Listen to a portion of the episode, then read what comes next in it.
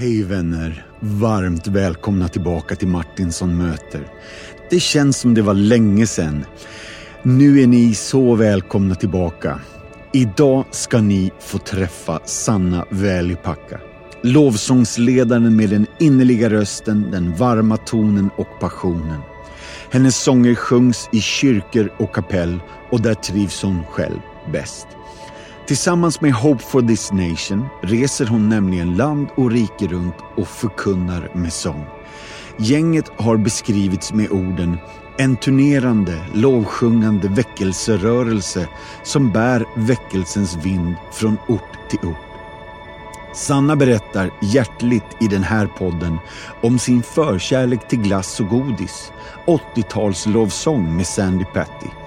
Hon berättar om hur allt detta med Hope for this nation startade och vägen dit som varken var enkel eller spikrak och som fick gå igenom mörka passager i Kigali, Afrika.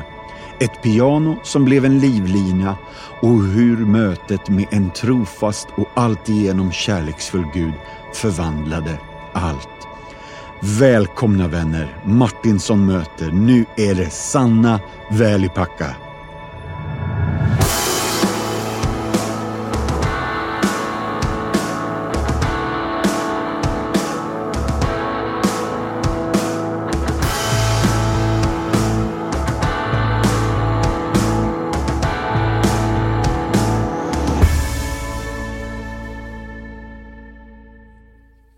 Då har jag hälsat alla gästerna till Martinsson möter välkomna. Men nu är det min ära, glädje, ynnest och förväntansfulla förhoppning att säga Sanna Välipacka välkommen till Martinsson möter. Wow, tack! Ja, men den var ja, lång. Ja, det var verkligen fint. Ja. Tack!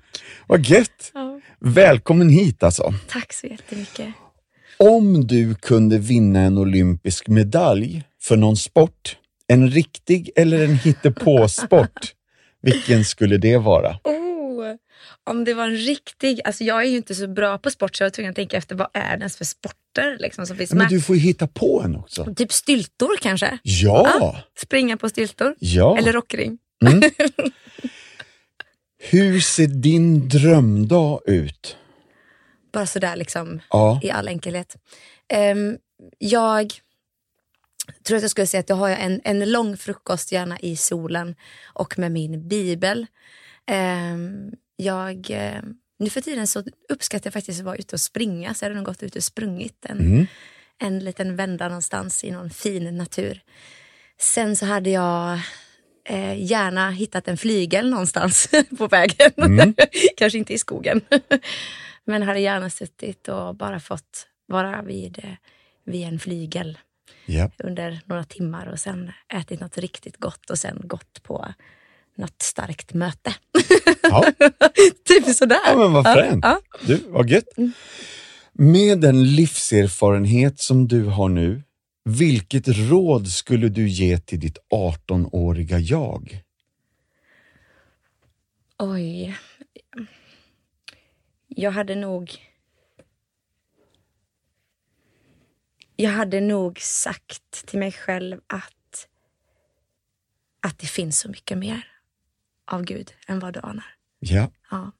Och att eh, Gud är trofast. Det hade jag sagt till mig. Ah, vad fint. Har det någonsin hänt dig något som du inte kunde och kanske fortfarande inte kan förklara? Det som vi inom kyrkan ibland definierar som ett under eller ett tecken eller ett mirakel. Mm. Absolut. Absolut. Jag, jag har varit med om, om faktiskt väldigt många olika typer av sådana övernaturliga eh, situationer. Alltså från, från det minsta till att, att Gud har räddat livet på mig. Eh, till att han har förvandlat hela, hela mig. Så att det finns eh, ett stort spektra. Eh, men eh, någonting som, som för mig betyder jättemycket, vilket kan låta väldigt eh, väldigt litet nu kanske i det här sammanhanget. Men när jag var typ åtta år så var vi på Skara Sommarland med, med Vips som jag var med i då. och vi var, vi var på Skara Sommarland och jag var väldigt förväntansfull och ville väldigt gärna köpa en sån här lott liksom, så jag kunde vinna ett gosedjur. Och de kostade fem kronor de här lotterna. Och eh, jag hade bara fyra kronor. Mm. Och jag stod där med mina fyra kronor, räknade dem om och om igen. Och så fyra kronor och så bara kom jag på att jag kan ju be Jesus om en krona till. Jesus ge mig en krona till. Och bara, en, två, tre, fyra. Och Jesus ge mig en krona till. En, två, tre, fyra. Fem kronor! Så fick jag en krona i handen. Kom igen. Så det där var faktiskt, det var så, alltså jag blev så chockad så jag faktiskt då också tappade en krona i springan i verandan så jag hade bara fyra kronor igen. Men då hade jag en kompis som var väldigt snäll och lånade mig en krona och så vann jag. Ja, vad mysigt. Var fint. Du, om du kunde dela en lång trerättersmiddag med fyra individer, Mm. kanske levande eller sedan länge döda, vilka människor skulle du välja att käka middagen med? Fyra stycken. Mm. Då skulle jag, jag skulle välja Smith Wigglesworth. Yeah. Ja. Och så skulle jag välja min farfar. Ja. Och eh, så skulle jag nog välja Christine Kane ja. och eh, Bill Johnson. Det skulle vara mina Vilket gäng. Ja, eller hur? Ja. Det känns som att det, där vill man sitta och äta middag. visst. Och nu får folk börja googla lite här, för det är jättespännande att höra. Ja, och du, eh, du är lite av en kock, säger dina vänner. Ja, de är snälla. Ja. Men eh, jag tycker om att laga mat i alla Ja. fall. Vad skulle du bjuda det här gänget på då? Det är jag som ska laga mat. Vilken press. Det är liksom allt från, eh, det är väldigt många hundra år här tänkte jag säga, det hundra Ja, ja, ja. år som jag får tänka på.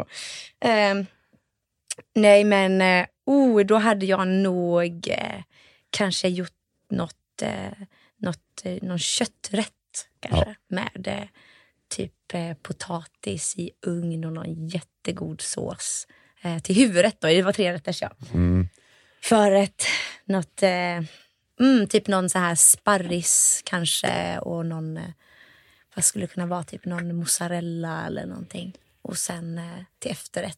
Nu börjar jag Ja. ångra att inte jag bjöd in mig själv till den här middagen. ja, alltså. man får vara fem, då får du komma. Ja, det är bra. Ja, och så något jättegott till efterrätt. Ja. Jag, jag tror att du gillar glass. Ja, Du, Sanna, Mm. den 24 juli 1989, vad händer då? Då föds jag. Mitt i sommaren? Mitt i sommaren. Ja, Ja. fy vad gött. Ja. Ja, jag trodde nästan det var midsommarafton ett tag där, men det är ju en månad tidigare. ja, man kan ju förväxla det. Du, du får hjälpa mig med efternamnet här, här nu då. Ja. ja, det beror på om du tänker svenskt eller finskt uttal. Ja, men ge oss båda. Då skulle jag säga att som svenskt uttal så säger de flesta välipacka Ja, och som finskt uttal så säger man välipacka. japp. Japp. Och pappa heter Rauno Mm. och han spelar fiol. Ja. Och mamma heter Mirja. Mm. Spelar hon något också? Hon spelar piano men hon skulle nog kanske inte välja att sätta sig offentligt och spela. Jag men hon fattar. sjunger så man gråter. Ja, men du. Ja, Sen finns det en syster, jag Ja. tror att det är en stora syster. ja det stämmer. Ja. Och var det så att familjen flyttade hit för att farfar var evangelist? Ja, det stämmer. Ah. Ehm, eller min farfar han var, han var pastor i en, ja, men i en församling i en ja, men, gan, ganska stor stad i Finland. Ja. Och eh, han var en sån här evangelist under sin, liksom, ja, men, när han, han blev så här, väldigt så, han älskade Jesus och han åkte runt på skidor i de finska skogarna många mil liksom, för att berätta om Jesus för människor som inte hade hört. Ja. Han var verkligen en gudsman. Mm. Ehm, och eh, han fick då en kallelse från, från en grupp av finska personer då som hade flyttat till Göteborg. Ja. För det var arbetskraftsinvandring då på den tiden, ju väldigt många finsktalande i Göteborg. Eh, de, de var så många liksom och de samlades som kristna och de bara kände att vi behöver en pastor. Så, hade de, så kallade de min farfar då. Och farfar tänkte att, eller han upplevde att han skulle säga ja på det så de flyttade farfar, farmor, min min pappa och min faster och sen så var det några andra syskon som var kvar. Men de skulle stanna i några år men eh, de flyttade aldrig tillbaka. För det blev en sån eh, väckelse bland Ja. de finsktalande. Ja.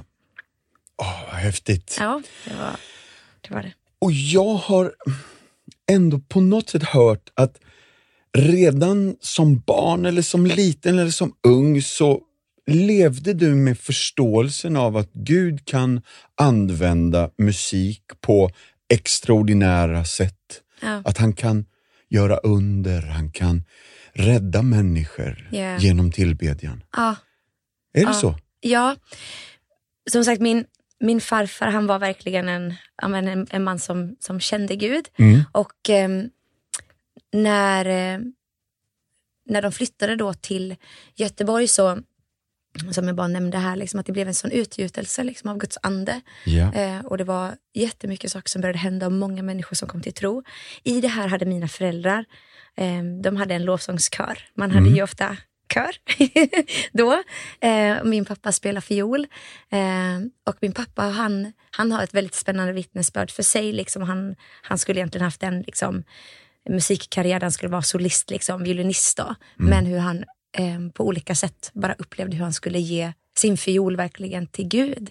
Ja. Och istället eh, att han upplevde det kallet. Liksom så. så han började resa runt väldigt mycket i världen, väldigt mycket faktiskt just i Ryssland och i, i de länderna där. Ja. Precis efter eh, också Sovjets fall och så. Och han eh, berättade ofta om vad han fick se och bara sa till mig redan när jag var liten att Sanna, att när vi tillber Gud så kan människor bli befriade. Människor kan bli helade, de kan bli uppfyllda av anden. Eh, och min mamma hon, eh, hon älskade eh, att berätta för mig också om, om eh, Catherine Kuhlmans pianist. För Catherine Kuhlman var en sån här helande evangelist som har Jajamän. väldigt så stark tjänst. Och hon hade en pianist eh, som också hade en sån smörjelse över sig att när han spelade så liksom började det hända verkligen mirakel. Ja. Så hon också bara så här matade mig liksom med de här vittnesbörden att Sanna det här är det som händer när vi tillber Gud. Och vi pratade mycket liksom om Guds närvaro, Guds härlighet hemma och tillbad tillsammans. Och, eh, det här var någonting som, från att jag var väldigt liten, så väcktes en sån längtan efter, efter Gud och efter hans härlighet. Och jag satt med på mammas och pappas eh, körövningar då. Och jag har minnen från när jag var kanske tre år.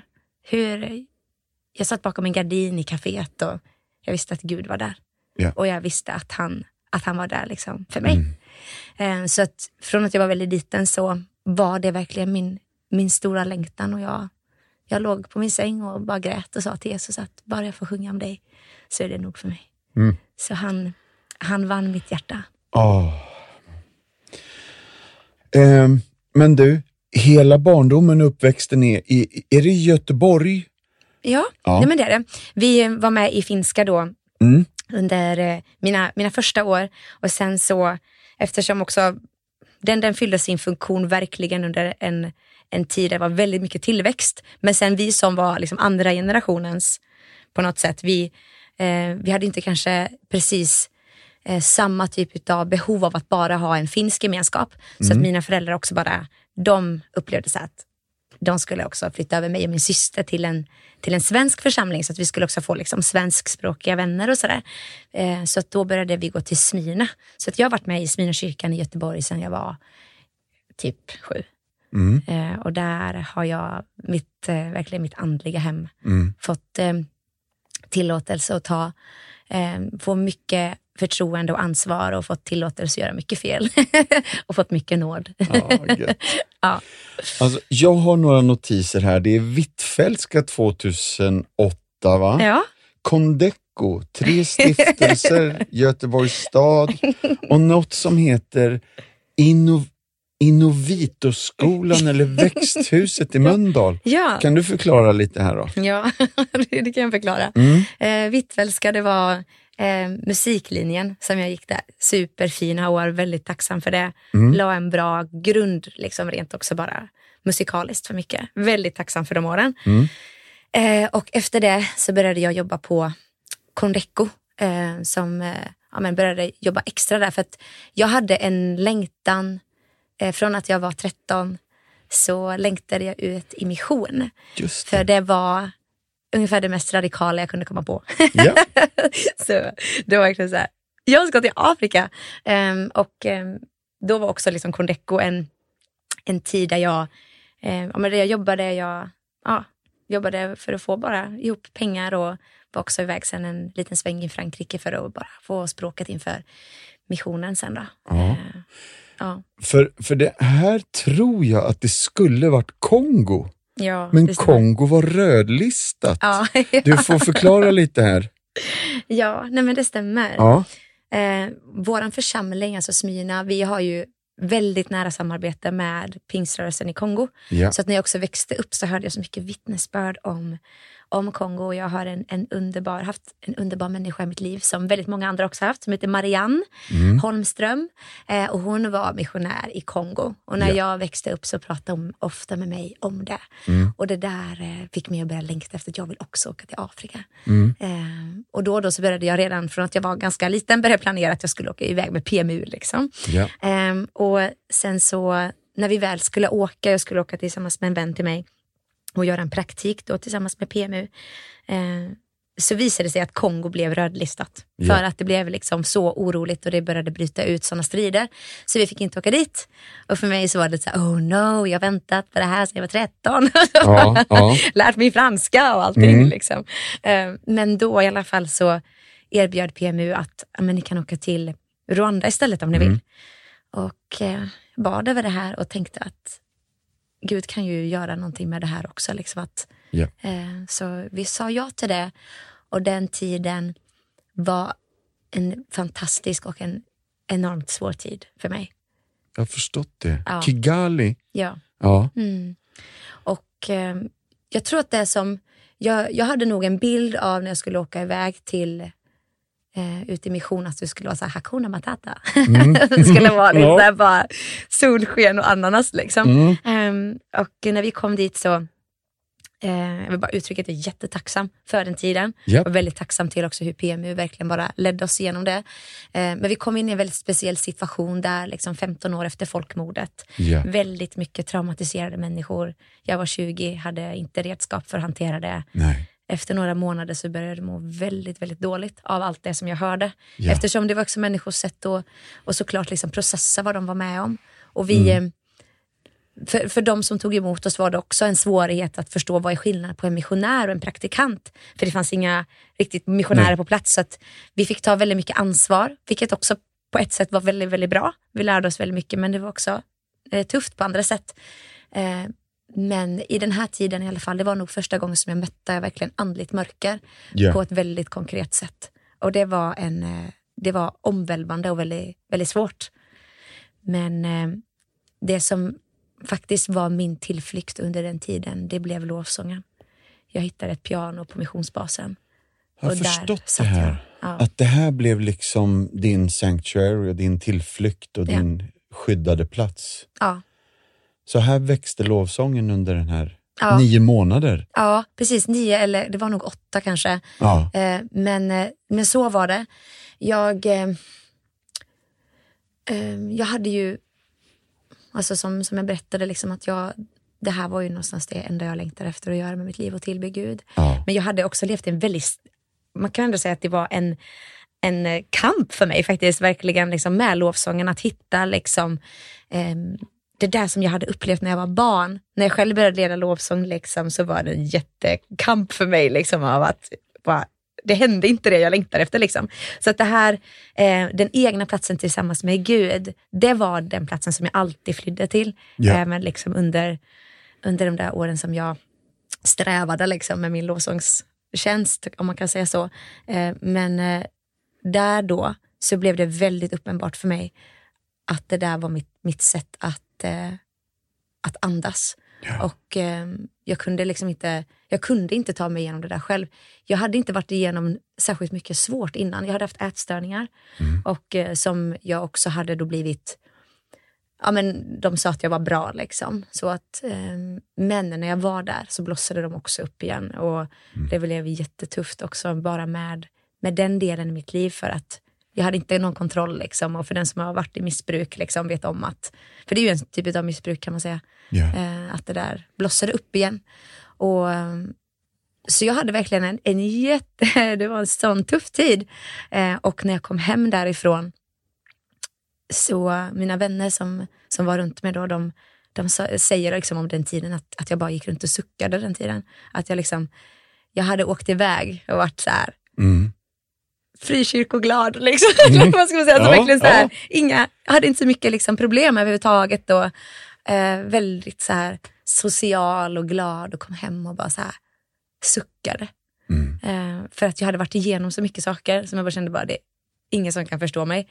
Eh, jag var 21 och kände mig som 85. Och mm. så här, folk åkte iväg på bibelskola, jag bara skulle aldrig fixa liksom, en sån miljö. Och det, jag kände mig liksom jag kände mig nästan förstörd. Och det var en jätteskrämmande känsla. Mm. Eh, och eh, det som hände liksom när jag också kom hemifrån Rwanda, det var att eh, hade en ungdomspastor som eh, som var fantastisk, Peter Levin. han, eh, eh, när jag kom hem så sa han till mig, det var typ första veckan när jag hade kommit hem, så träffade han mig i kyrkan och det var så någon ungdoms eller unga vuxna träff typ. Och han mm. bara sa till mig att Sanna, ska inte du leda lovsång ikväll? Och jag bara kände, bara orkar inte. Jag vet inte, alltså, mm. jag var utmärglad, mådde dåligt liksom. Och, och han bara, ska du inte? Han bara, okej, okay, jag gör det. Så. Mm. Jag satte mig vid pianot och bara kände att jag har ingenting som jag kan hålla upp här. Men jag bara sjöng och sjöng. Och Peter kom till mig efteråt och sa det att Sanna, det har hänt någonting. Med, det hänt någonting med din tjänst. Eh, och liksom med lovsången på något sätt. Jag kommer inte ihåg exakt hur han uttryckte det. Och jag kände mig så att, att för mig handlade det om att jag, kunde, jag orkade inte hålla uppe någonting. Liksom. Att jag tänkte så det är det som du ser. Mm. Men från det där eh, så började en, en annan typ av resa för mig. Som var efter att jag hade kommit hem av den här typen av läkning. Liksom. Yeah. Och det började också väckas en sån enorm längtan efter Gud. Mm. Och eh, stegen ut liksom i, mm. i lovsången på något sätt, på ett nytt sätt. Yeah. Så, för att den där, den där längtan från det som jag hade haft när jag var barn, det var ju det där som, som brann i mig. Så, yeah. ja. Jag tror att många kan känna identifikation i fråga om, om ätstörningarna. Så du får gärna berätta hur, hur, resan, hur resan var och vad, ja. vad Gud gjorde. Ja. Mm. ja.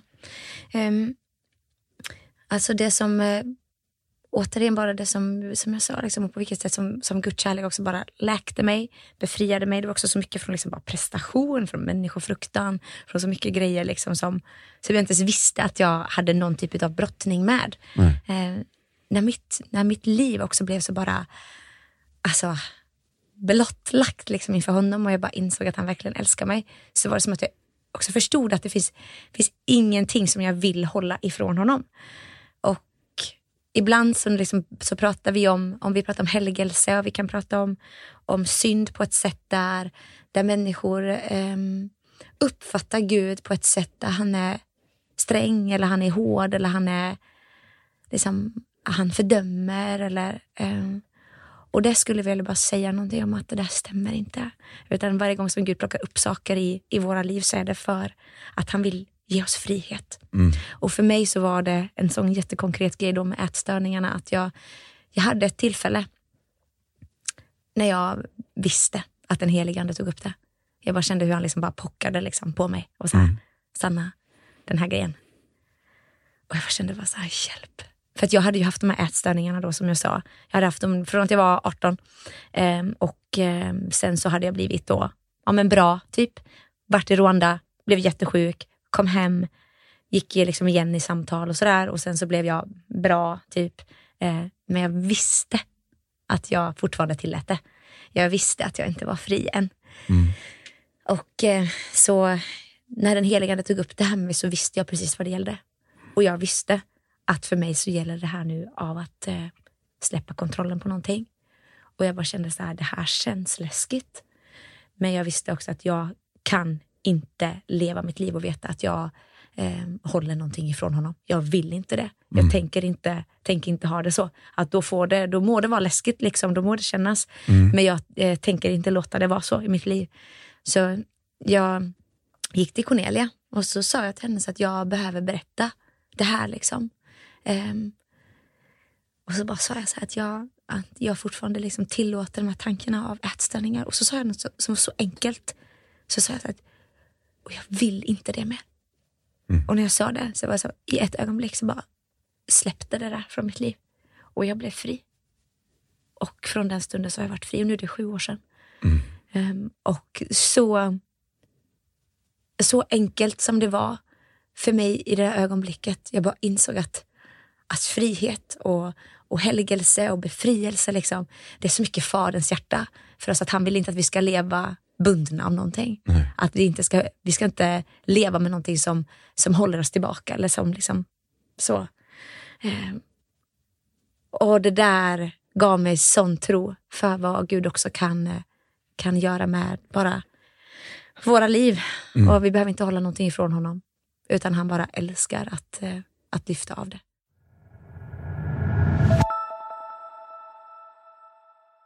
Eskinder är en 11-årig, ung pojke. Han bor vid Harar Lutheran Church och han led på grund av bristen på det rena vattnet. Och bristen på rent vatten har till och med urholkat barnens självförtroende i Etiopien, utsatt dem för vattenburna sjukdomar och orsakat ekonomiskt kaos för deras vårdgivare, då de har spenderat för mycket pengar på att köpa vatten. Den nya tillgången till rent vattnet på Compassion-centret löste alltså inte bara barnens hälsoproblem utan återställde även deras självförtroende. Det rena vattnet befriar också deras vårdgivare från dyra vattenkostnader och genom fonden Complementary Intervention kunde Compassion och kyrkan omstarta en befintlig vattenbrunn, bygga en reservoar och vattenplatser som nu ger tillgång till rent vatten. Det här ger en betydande minskning av antalet barn som blir sjuka på grund av orent vatten. Dessutom är barnen självsäkra och glada över att kunna umgås med de andra och gå i skolan som vanligt. De kan alltså fritt komma till centret för att bada och tvätta sina kläder. Eskinder säger, vi har alltid vatten på centret. Jag är glad över att jag kan bada och tvätta mina kläder och jag kan spela fotboll så mycket jag vill för jag vet att jag kan gå och bada efteråt. Att veta att jag är ren har gjort mig självsäker.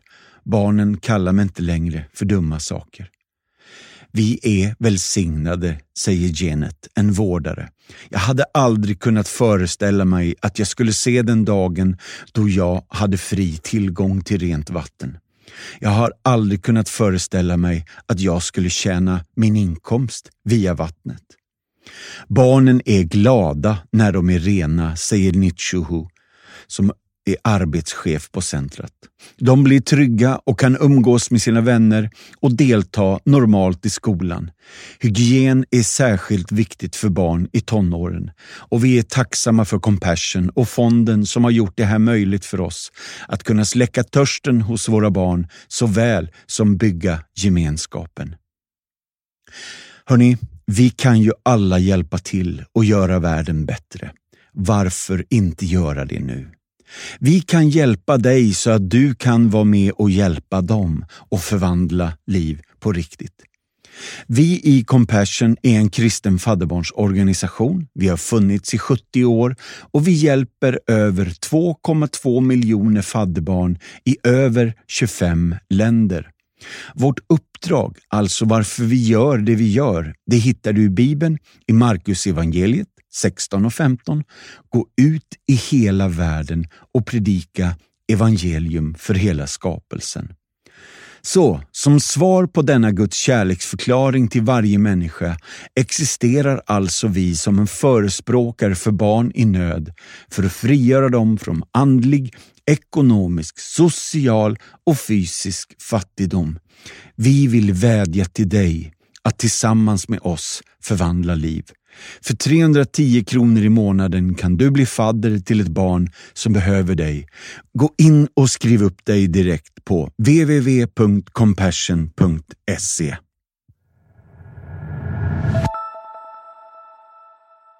Kan inte du berätta, vem är Sandy Patti? ja, ja, vem är hon? Mm. Ja, alltså, jag växte upp eh, med att lyssna på samma musik som mina föräldrar. Mm. och eh, de, eh, de älskade så här ja, men amerikansk typ 70-tals lovsång. Liksom. Det var det jag lyssnade på också. Så att eh, eh, Sandy Petty, hon är, har en fantastisk röst. Eh, och Hon så, har ju det. Ja, Och ett fantastiskt hår. Vilket det- svall. Nej, ja. Men jag, jag tror att jag, jag blev berörd av, av henne, ehm, av hennes, också bara den, den tonen och den smörjelsen som finns över henne. Ja. Så att när jag var liten, jag, jag och min pappa eh, och eh, mamma också, men framförallt jag och pappa satt ofta och lyssnade på musik tillsammans Mm. och satt liksom och så pratade om musiken och pratade om harmoniken och eh, just också i den typen av musikaliskt uttryck. Det är väldigt så här, det är ju stora ensembler, det är orkester och det är kör och det är allt liksom. Bombastiskt. Mm, Ja, det, visst. Mm. Jag älskade det. Mm. Jag älskar det fortfarande, men Ja. det var verkligen, ja, det, hon blev en förebild för mig Ja. tillsammans med, eh, med, några, med några fler. Alltså jag älskade att lyssna på typ Per-Erik Hallin och Roland Utbult. Och liksom. Mm. Det, var, det var det jag lyssnade på. Carola. Ja. Ja. Fy vad gött. Ja. Du, om, eh, om jag säger sol och hav och godis då? Ja, Är det bra? ja, Ja. ja. det är ju min topp där. Det är så ja.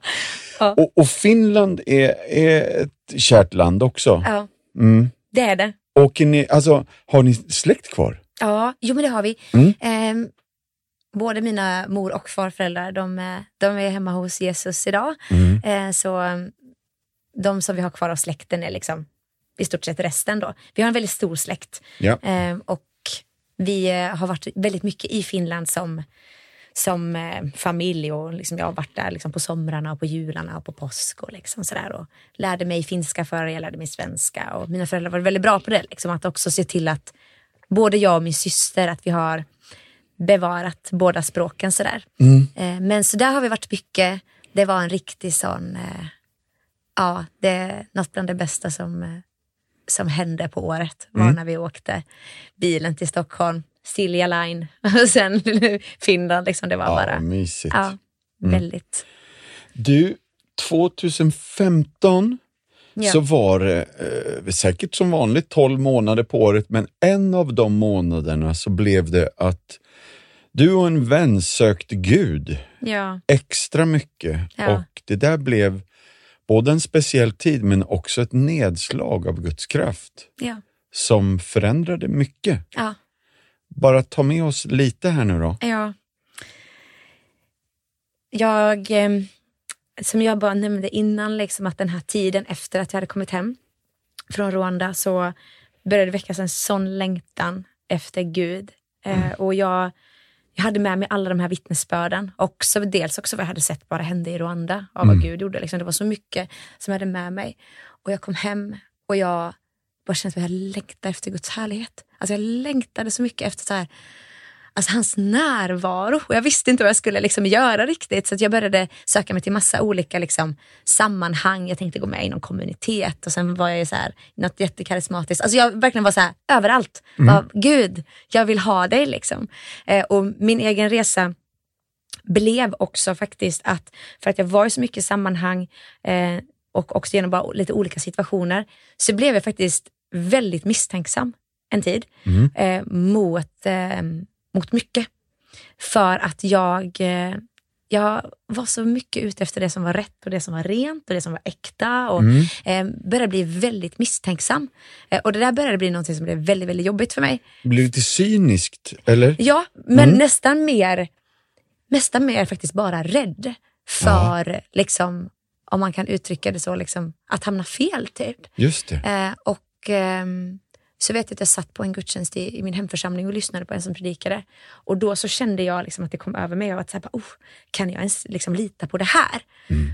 Och då upplevde jag hur den helige ande sa till mig att Sanna, jag är mycket större än så här. Och där var det något som började för mig, för att det var något som släppte verkligen från mina tankar av just den där begränsningen som jag hade satt och rädslan liksom för att då ja men, typ fel andlighet eller hamna fel. Eller liksom så här. Jag insåg att okej, men Gud är större än min lilla liksom, smala väg nu. Liksom. Ehm, och från det så började jag också söka upp människor som jag bara kände att här är det någon som känner Jesus. Jag var så hungrig Mm. efter liksom, bara, I want the real thing. Liksom, så här, var, vart finns liksom människor jag kan bara få lära mig någonting av? Och då så var en av de personerna som jag tog tag i var eh, Cornelia. Och eh, Cornelia jobbade som ungdomsledare i, i vår församling och sen eh, som ungdomspastor. Och, eh, vi, eh, vi brukar säga det bara för att det är lite kul, för att vi, vi kände verkligen inte varandra. Vi var väldigt liksom också olika på den tiden av så här rent, ja men Cornelia var, hon gick i arméboots, hade en lång svart liksom, rock och hon så här, kunde ställa sig på bibeln för liksom, make a stand eller liksom, någonting så här. Och jag gick runt i liksom, mina pärlor och spets. Liksom. Så vi var väldigt olika.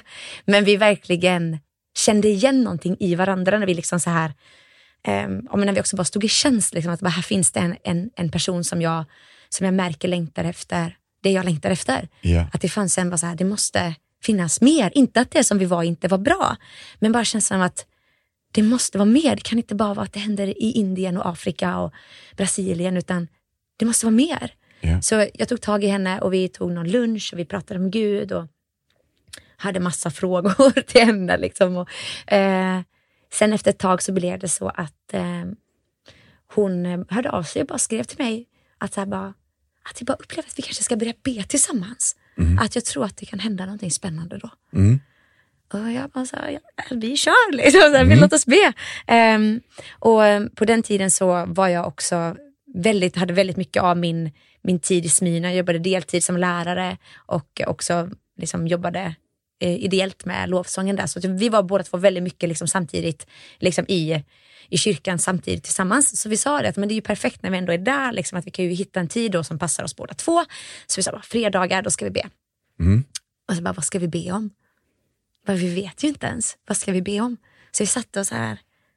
Gud, vi ber om mer. Vi ber om mer. Jag visste inte hur vi skulle formulera det. Och, eh, som sagt, vi kom ju lite så här från olika håll. Cornelia bara, kraft och eld och mirakel och undertecken. Och jag satt med så här, helig, helig, helig. Eh, och det var bara så här, vi, vi visste inte vad vi skulle uttrycka ens. Eh, och det som sen hände då efter ett par veckor in i den här tiden, det var att vi var på en, en gudstjänst och, och vi satt liksom längst fram och, och vi bara plötsligt bara tittade på varandra när gudstjänsten började. För att vi båda två märkte att, att nu är det någonting som händer.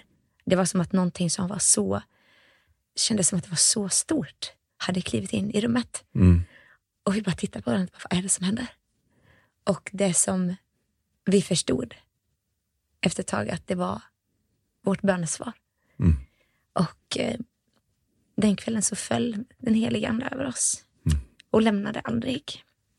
Och från den stunden så var ingenting sig likt. Det var verkligen som att Guds härlighet bara landade över oss. Och när jag vaknade var den där, när jag la mig så var den där, vart jag gick så var den där. Han var så, det var så påtagligt. Eh, och eh, det som vi gjorde under den här tiden mest, det var faktiskt att vi, vi var på våra ansikten inför Gud. Och eh, bara gav våra liv till honom. Det var som att det var, Cornelia sa det en gång så bra och jag har tagit de orden, men att det var verkligen det, var verkligen det som hände. Att Gud kom för att göra anspråk på, Mm. på mitt liv, på våra liv. Att det var det som liksom någonstans, han kom och bara gav det svaret som, som vi, hade, vi hade bett om, fast vi inte visste vad vi skulle be om. Och det som han gjorde, det var att han, han märkte oss verkligen med sin kärlek och med Faderns kärlek. Mm. Och jag, ehm, alltså jag hade ju hört om Fadern. jag har trott på en treenig Gud hela mitt liv. Eh, men jag hade nog tänkt att Fadern var liksom så här, typ samma sak som himlen. Eh, och hade inte alls liksom en, en uppfattning om att jag kunde få möta honom här. Så på det sättet och förstå liksom hans kärlek för mig här. Och eh, den här tiden liksom som började med, eh, det var så mycket av bara hans, om hans kärlek av att, att läka, av att eh, befria, av var mycket identitet. Och ehm, ehm, vi hade vi hade sådana samtal, jag och Cornelia, liksom, att vi, för att vi, vi visste inte att man kunde vara med om det här.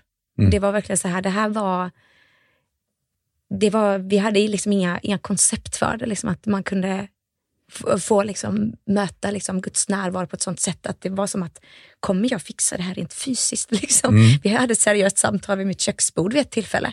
Så här rent så här teologiskt samtal. Att så här, alltså hur är det liksom med Guds härlighet i det nya förbundet? Kan man dö? Mm. Och vi bara insåg att men, men vi vet inte ens. Mm. Men det får vara värt det. Liksom. Det, han, han vet vad han gör. Mm. Den typen av liksom bara så här, vi, han, han bara fullständigt vann oss och mm. vann, eh, han, han vann mitt hjärta. Och vi har, alltså, nu pratar jag både i vi-form och jag-form, men det är liksom någonstans här, vi, det var så mycket som hände också bara oss båda två samtidigt. Mm. Men för min egen del så var det så väldigt tydligt att, att, eh, att Gud bara liksom gjorde saker med mig som jag inte ens visste att han behövde göra. Mm. Och plötsligt så insåg jag att detta med att, att, eh, att jag verkligen är fri, det där var en sån där sak som eh, verkligen också med, som jag bara pratade om det här med mina religiösa ramar. Eh, det var vid ett tillfälle då, eller jag bara nämnde det här med faderns kärlek, att efter ett par veckor in i detta, av att Guds närvaro var så, var så stark och den var så påtaglig och det var verkligen så här, det, det, det gick inte att göra någonting annat än att bara ge upp. Liksom. Mm. Allt. Och det var verkligen det som, det var verkligen det jag gjorde. Jag bara gav upp mitt liv. Så. Och det var det bästa jag har gjort. Eh, men det som också hände det var att eh, Cornelia hade varit eh, på ett möte i, i eh, Lysekil där du var. Mm. och hade bara liksom hört någon undervisning om just om faderns kärlek. Mm. Och hon pratade med mig i telefon, var på väg hem därifrån och hon bara pratade om det. Ja men de pratade om det här med att vi är Guds barn. Och Alltså det här liksom var inte någonting som jag alls, liksom det, det bara åkte genom huvudet. Liksom. Mm. Bara, ah, ja, okay, typ. eh, och sen så gick hon upp liksom för sin trappuppgång och hade mig i telefonen och sen innan hon skulle gå in i sin lägenhet så bara säger hon plötsligt i telefonen till mig, så här, bara, Sanna, Gud är här. Och jag menar, vi hade varit med om så omvälvande saker de här veckorna. Så jag bara, ja Gud mm. är här. Liksom. Mm. Men så Gud är här, verkligen. Och så bara började hon gråta och bara sa till mig att Sanna, fattar du? Att Gud är min pappa. Mm. Fattar du att han är din pappa? Och jag bara satt hemma och bara hörde henne och jag bara kände så här, jag fattar ingenting. Alltså jag fattar inte vad du pratar om. Det var som att liksom, min hjärna kunde inte bara ta in, liksom, jag bara, vad menar du? Liksom, jag satt faktiskt på riktigt och gjorde en sån här triangel i luften, liksom, så här, Fadern, Sonen och den helige Ande. Så mm. Jag bara, jag får inte ihop det. Liksom. Hur menar du att liksom, Fadern, liksom, Jesus, det var så här, totalt bara blockad i mitt huvud. Liksom. Mm. Vilket var jättejobbigt för att jag bara insåg när jag lyssnade på liksom det som hände henne så insåg jag att, att Gud gör någonting verkligen eh, så grundläggande just nu. Jag bara märkte liksom att det här är någonting jätteviktigt och jag missade. Men jag sitter i telefonen och lyssnar. Mm, alltså, mm, jag menar, det mm. var bara väldigt speciell känsla. Um, så kom Cornelia hem till mig dagen därpå. Jag var jätteledsen över det här. Liksom. Jag bara, vad jag missat typ. Mm. och hon var helt uppfylld av detta. Eh, och så sa hon ett ord till mig som var så enkelt men som hon bara delade med mig och sa så här att, att, att Sanna du tänker det som att det finns ett staket liksom runt ditt liv. Det är som att du tror att det finns en hage runt ditt liv och att du är där i den där hagen. Mm. Det finns inget staket där. Och när hon sa det så var det som att någonting bara släppte från mitt liv. Och det var som att alltså, barnaskapets ande bara rasade ner över mig. Och det var som att jag bara förstod. Det var som att mina ögon bara öppnades liksom för första gången. Jag bara förstod att han älskar mig. Mm. Att han verkligen älskar mig. Och jag bara kände så här bara, va? Varför har ingen sagt det här till mig innan? och det är klart att folk har sagt det. Ja. Liksom, jag menar, jag är uppväxt i kyrkan.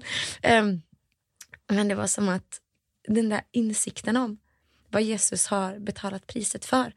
Och den typen av frihet och identitet liksom som, som vi verkligen får ta emot när vi tar emot honom. Det var som att jag för första gången såg det. Mm. Och det förvandlade mitt liv, alltså utan att överdriva, alltså så här eh, och på alla områden. Och eh, jag, från den stunden så gick jag runt eh, och Cornelia också gick runt till folk och bara så här, Förstår du att du är Guds dotter? Förstår du att du är Guds son? Mm. Och så var det så här, det var verkligen mm. the main message liksom mm. för att det var en sån, eh, för oss båda två en sån eh, enorm liksom. Det, var, det, det förändrade, det förändrade allt liksom. Um, och från den där platsen så blev det plötsligt väldigt uppenbart att, att det här är vad jag alltid har sökt efter. Det här är vad jag hela mitt liv har längtat efter. Allt det som jag någonsin behöver finns här i honom och det är nog, det är mer än nog för alltid.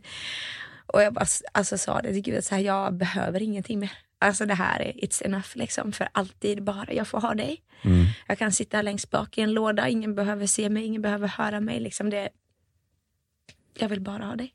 Mm. Och från den där platsen liksom som Gud tog oss till, eh, som, som var för oss båda, där vi bara kände så här att, eh, att sanningen hade gått upp för oss. Att det är verkligen, det här är det enda. Mm. Det här är vad allting handlar om. Mm. Så började Gud också kalla oss ut och började tala om nationen mm. och började tala om eh, vad han gör i den här tiden eh, i vårt land. Yeah. Och det där var någonting som ingen av oss var beredd på. Yeah.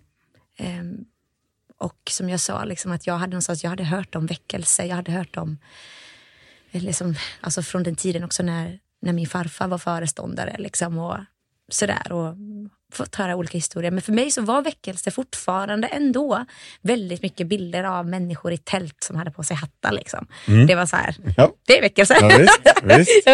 och det var det ju. Men, mm. ja, men, äh, men det där var verkligen en insikt att vi insåg att det här är ju vad att bli väckt. Ja. Det här är verkligen att bli väckt. Mm. Att bli väckt av hans kärlek och bli väckt till att se vem han verkligen är. Och det som också hände, det var att eh, i det där mötet med honom och med hans kärlek så blir man plötsligt, eh, man vågar gå. Mm. För man vet att han, att han är god. Och från den platsen så började vi gå i väldigt mycket tro. Mm. Oj, vad det här är spännande. För våren, våren 2016 ja. så har ni en ungdomskonferens i Smyrna ja. som ni döper just till Hope for this nation. Ja. Mm. Och då har ju inte det arbetet börjat. Det har, det har, inte funnits. Nej, nej, precis. Nej. Och det här var ju någonting, det här, även att jag berättar väldigt liksom mycket om mig själv nu och om Cornelia, så var det inte bara vi utan det var vi många personer mm. som Gud rörde, också runt liksom, i, också i församlingen. Och, um, att det var, det var fler som hade liksom den typen av, var så här, man blev yeah. väckt. Mm. Uh, och uh, den här konferensen då som var för ungdomar och unga vuxna, det var Eh, jag, jag satt inte med just i, i, den, i det planeringsmötet där de skulle komma på namnet. Men eh, eh, så var det i alla fall att de satt och liksom funderade på vad ska den heta. Liksom. Vi hade upplevt att vi skulle ha en konferens. Liksom. Vad ska den heta? Och så, eh, nu så bara lägger jag orden i Cornelias mun, men jag gör det med frimodighet. Mm. men eh, i alla fall då så hade eh, Cornelia bara upplevt att hon såg en logga liksom så här. Och bara såg liksom så här, Hope for this nation. Så hade hon sagt det bara, det ska heta Hope for this nation. Mm. Och de som satt med i teamet bara så här, nah, det är väl inte så bra, det är på engelska. Du vet, så här, mm. man gillar inte att det är på engelska. så, eh, men hon verkligen så här, bara ritade ner den och var så här, bara, fast den ska heta det. Liksom. Så här, Jag mm. upplever verkligen det. Så. Att, eh, så ska den heta. Eh, och redan när vi började komma ut liksom, med information om det här, för att det här med vad Gud gjorde i, eller i våra liv och det som vi också upplevde hur Gud talade om nationen, det hade vi redan någonstans upplevt innan den här konferensen. Men vi såg det liksom hända mycket liksom bland de unga liksom i, i församlingen. Men vi upplevde också så här, ja, men redan där att okay, det finns något som Gud gör i vårt land. Mm. Eh, och den här konferensen då när vi började komma ut med information om det och bara liksom så här, ja, men gjorde reklam typ på Facebook eller bara la ut eventet så började folk höra av sig och började berätta liksom att när jag såg den här, jag såg loggan liksom, eller jag såg det här liksom att att den heliga ande kommer med mig, liksom, eller det är någonting liksom, mm. med det här. Vad, vad, är det Gud gör liksom, med det här? Och vi bara kände så här, vi vet inte, men det här är en, en konferens. Ja. och eh, det var också lite från vårt håll en sån här, okej, okay, låt oss se vad Gud gör. Mm. Och det som vi fick se under de där dagarna var väldigt speciellt för oss. Eh, för dels så var det en representation från i stort sett alla församlingar i hela Göteborg som var där. Det kanske var en person eller två personer. Men för oss så blev det som en profetisk liksom, miniatyrbild av Just någonting det. som vi bara upplevde att det finns någonting som Gud också bara gör av, av enhet, av att samla sitt folk.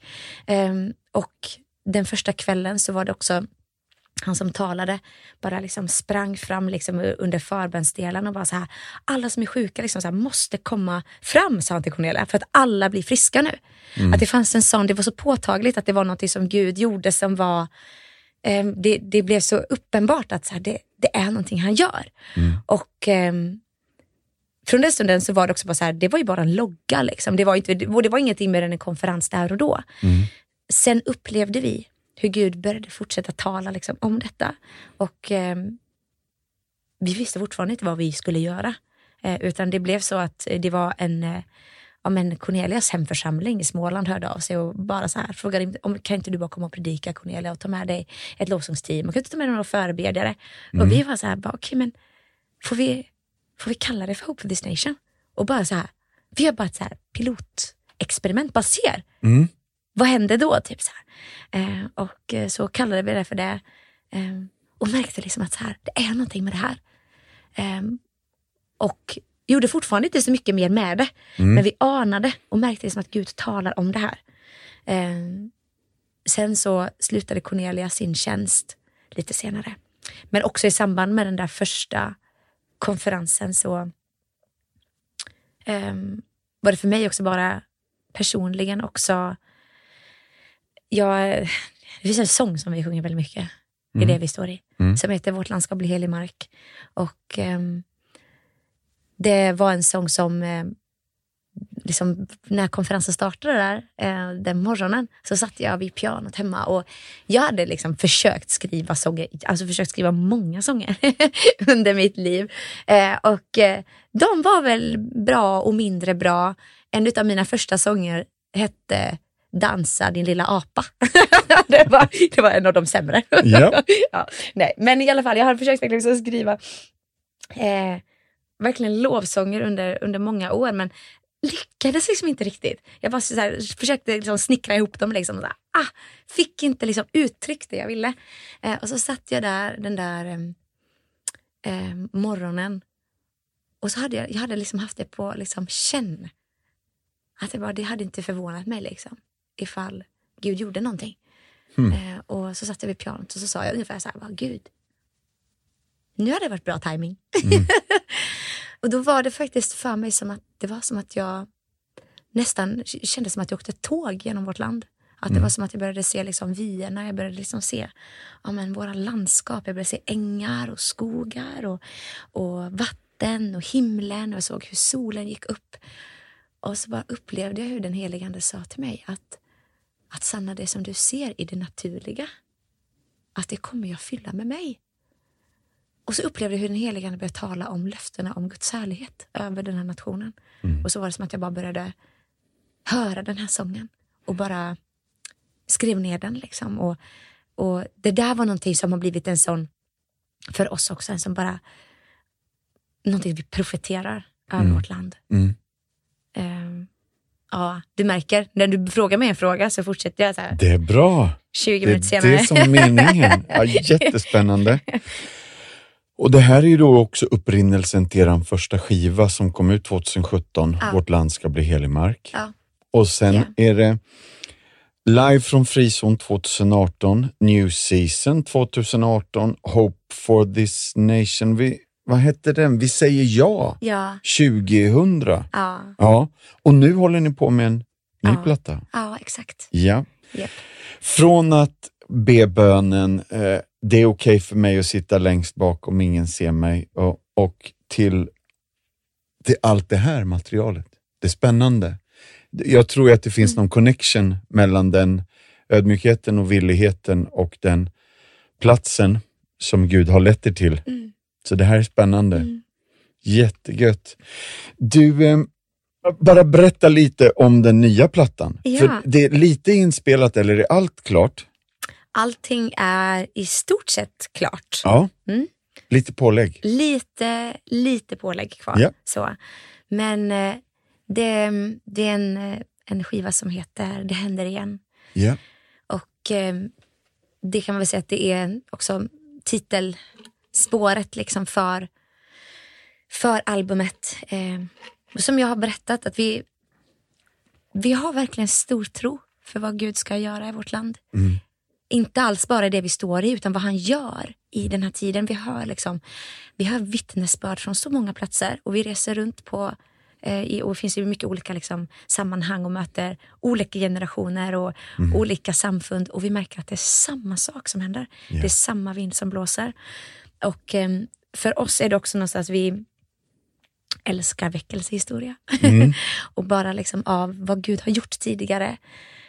Det tror jag eh, verkligen är ett vittnesbörd om vad Gud kan och vill göra igen. Och därav också, alltså det händer igen. Vi tror att det händer igen. Mm. Att det som vi har hört om och det som vi, vi vet, liksom löftena. ehm, vi tror att, eh, att Guds härlighet verkligen på riktigt kommer att bli, bli manifesterad mitt i också allting som händer. Jag tänker det är så mycket Jesaja 60 av det här liksom att, att mörker må täcka jorden och töckenfolken. Liksom, men över dig ska, ska Herrens ljus gå upp, hans härlighet ska bli uppenbarad. Att det finns någonting av att även när vi märker i den här tiden när det är pandemi, det är krig, det är liksom allt detta. Så är det inte alls en motsättning till det som Gud gör. Ehm, och ehm, vi har en sån... Jag, jag ska säga att jag, jag själv är så märkt med en sån tro för den här nationen. Mm. Av att jag verkligen tror på riktigt att Gud kommer att eh, verkligen besöka det här landet Ja. igen. Så, Ehm, så att vi, de, den sången, just Det händer igen, är också en, eh, vad ska man säga, det är någon typ av också bara så profetisk så här proklamation, liksom, och så här att, eh, att mm, öppna himlen. Mm. Det ska regna igen. Vinden bra. blåsa igen. Det Det tar vi händer igen. emot. Ja. ja. Men annars så är det också, alltså överlag, liksom, över, den, över den skivan så eh, mycket, mycket sånger som också bara är vår, våra hjärtans rop efter honom. För det är det som vi står i, det som jag bara personligen också längtar efter, verkligen efter mer av honom. Ja. Det, det är allt jag vill. Mm. Du, historiskt sett så har ju många sagt att kyrkan står på två ben, arbetet byggs eh, på, på, på den här grunden. Det är Guds ord och det är Guds rike. Men, men benen vi liksom eh, bygger det här på, någon har sagt att det är tillbedjan och barmhärtighet och Ja. på engelska är det worship and compassion. Ja. Eh, och då vill jag på något sätt bara, hur, hur, hur tänker du? Lovsångstjänst och diakonal eller barmhärtighetstjänst eller Ja. så. Hur, hur tror du att de här två uttrycken ska gestaltas? Ja. Jag tänker så här. Jag tror att varje människa är skapad för att tillbe Gud. Jag tror att det är våran, vårt, alltså, alltså vårt syfte. Det är att, att vara älskad av honom och att älska honom och att få ge våra liv till honom. Jag tror att det händer någonting så övernaturligt med oss när vi tillber Gud. Att vi också förvandlas verkligen till alltså till hans avbild, liksom att han formar våra liv. När vi kommer nära Gud så vaknar vi. När vi kommer nära Gud så formas vi. När vi kommer nära honom så ser vi liksom att det finns saker som han vill göra oss fri ifrån. Saker som han vill lyfta av oss eller saker i våra liv som blir blottlagt. Liksom det finns en sån, alltså av att verkligen få, få ge honom allt. Och därifrån, den platsen, så tror jag också att det blir en väldigt naturlig konsekvens att vi också älskar andra människor på det sättet som också Gud älskar oss. Att det blir en, eh, som, som jag bara upplever i mitt eget liv, vi är ju mycket ute också i evangelisation, i det vi står i möte människor som inte känner Jesus och bara älskar människor. Och det där tror jag eh, är svårt att bara pumpa upp sig till eller pressa sig till. Liksom. Men när vi möter honom Mm. så är det som att det går liksom inte att det inte läcker ut. För att när jag vet hur mycket han älskar mig så vet jag hur mycket han älskar den här personen. Just det. Och det påverkar hur jag möter den personen. Och det tänker jag att det kan man se i en, i en större utsträckning också. Att det, Alltså jag tänker bara överlag att jag, jag tror att när Guds folk verkligen um, kommer inför honom och låter honom bara alltså, älska oss. Älska oss hela, älska oss fria. Och vi ser liksom att vad det verkligen är att jag lämnar allt för att följa. Så kommer det också vara en naturlig följd. Att människorna som vi möter um, också kommer att beröras av den där kärleken på det sättet som, som de behöver. Framför allt så behöver människor Jesus, så är det ju. För han, ja. är, det, han, är, han är det levande han är det levande brödet. Liksom. Han, han behöver det, det, är bara han som kan förvandla människors liv. Men det är också en naturlig konsekvens att om jag möter någon som har behov och jag kan hjälpa den personen och jag vet liksom så här vad Jesus har gjort för mig. Så tänker jag att för min egen del så känns det så här att få älska någon på det sättet, vilken nåd det är. Mm. Vilken nåd det är för mig att få, alltså jag har tänkt på det många gånger liksom, när jag själv har bara fått vara i situationer där jag fått bara ge av mig själv liksom, till andra människor. Mm. Att eh, jag är så tacksam för det, för att jag har gjort någonting med mig. Och jag tror att eh, jag, jag, tror verkligen att de där sakerna hör ihop för att det också är vi, vi, vi skapade för den platsen och den förvandlar oss och då förvandlas också vår omvärld för att vi är förvandlade. Just det. Typ så. Ja, men det låter som den här grundtanken i Hebreerbrevet 13 att upplyfta händer är, är också utsträckta händer. Yeah. Ja. Att vi, ja. Det blir en konsekvens. Ja. Och jag är, ja vad spännande, jag är med dig där. Ja. Ja, vad gött. Du, Sanna, tack snälla för att du tog dig hit och komma idag och för att du tar dig tid att berätta om vad Gud har gett och vad Gud har gjort och vad Gud vill göra. Och vi är jättetacksamma från Martin som möter att du kom och delade allt detta. Jag är tacksam. Ja, men du. Tack. Hälsa till hela Hope for this Nation-gänget och tacka för allt ni har gett och gjort mm. med sånger och med undervisning och förbön för vårt land. Vi tror med er att det här landet kommer att förvandlas. Yes, amen. Mm. Tack. Slut för idag och tack för idag allihopa. Vill du veta mer om det som har pratats om i podden så har vi något på vår hemsida som heter Show Notes. Där kan du se alla länkar till sånt vi pratar om. När vi refererar till en film eller en bok eller en sång. Då finns de länkarna där, så gå in på compassion.se så hittar du helt enkelt massa extra material. Tack, ha det bra, Bye bye, hej då!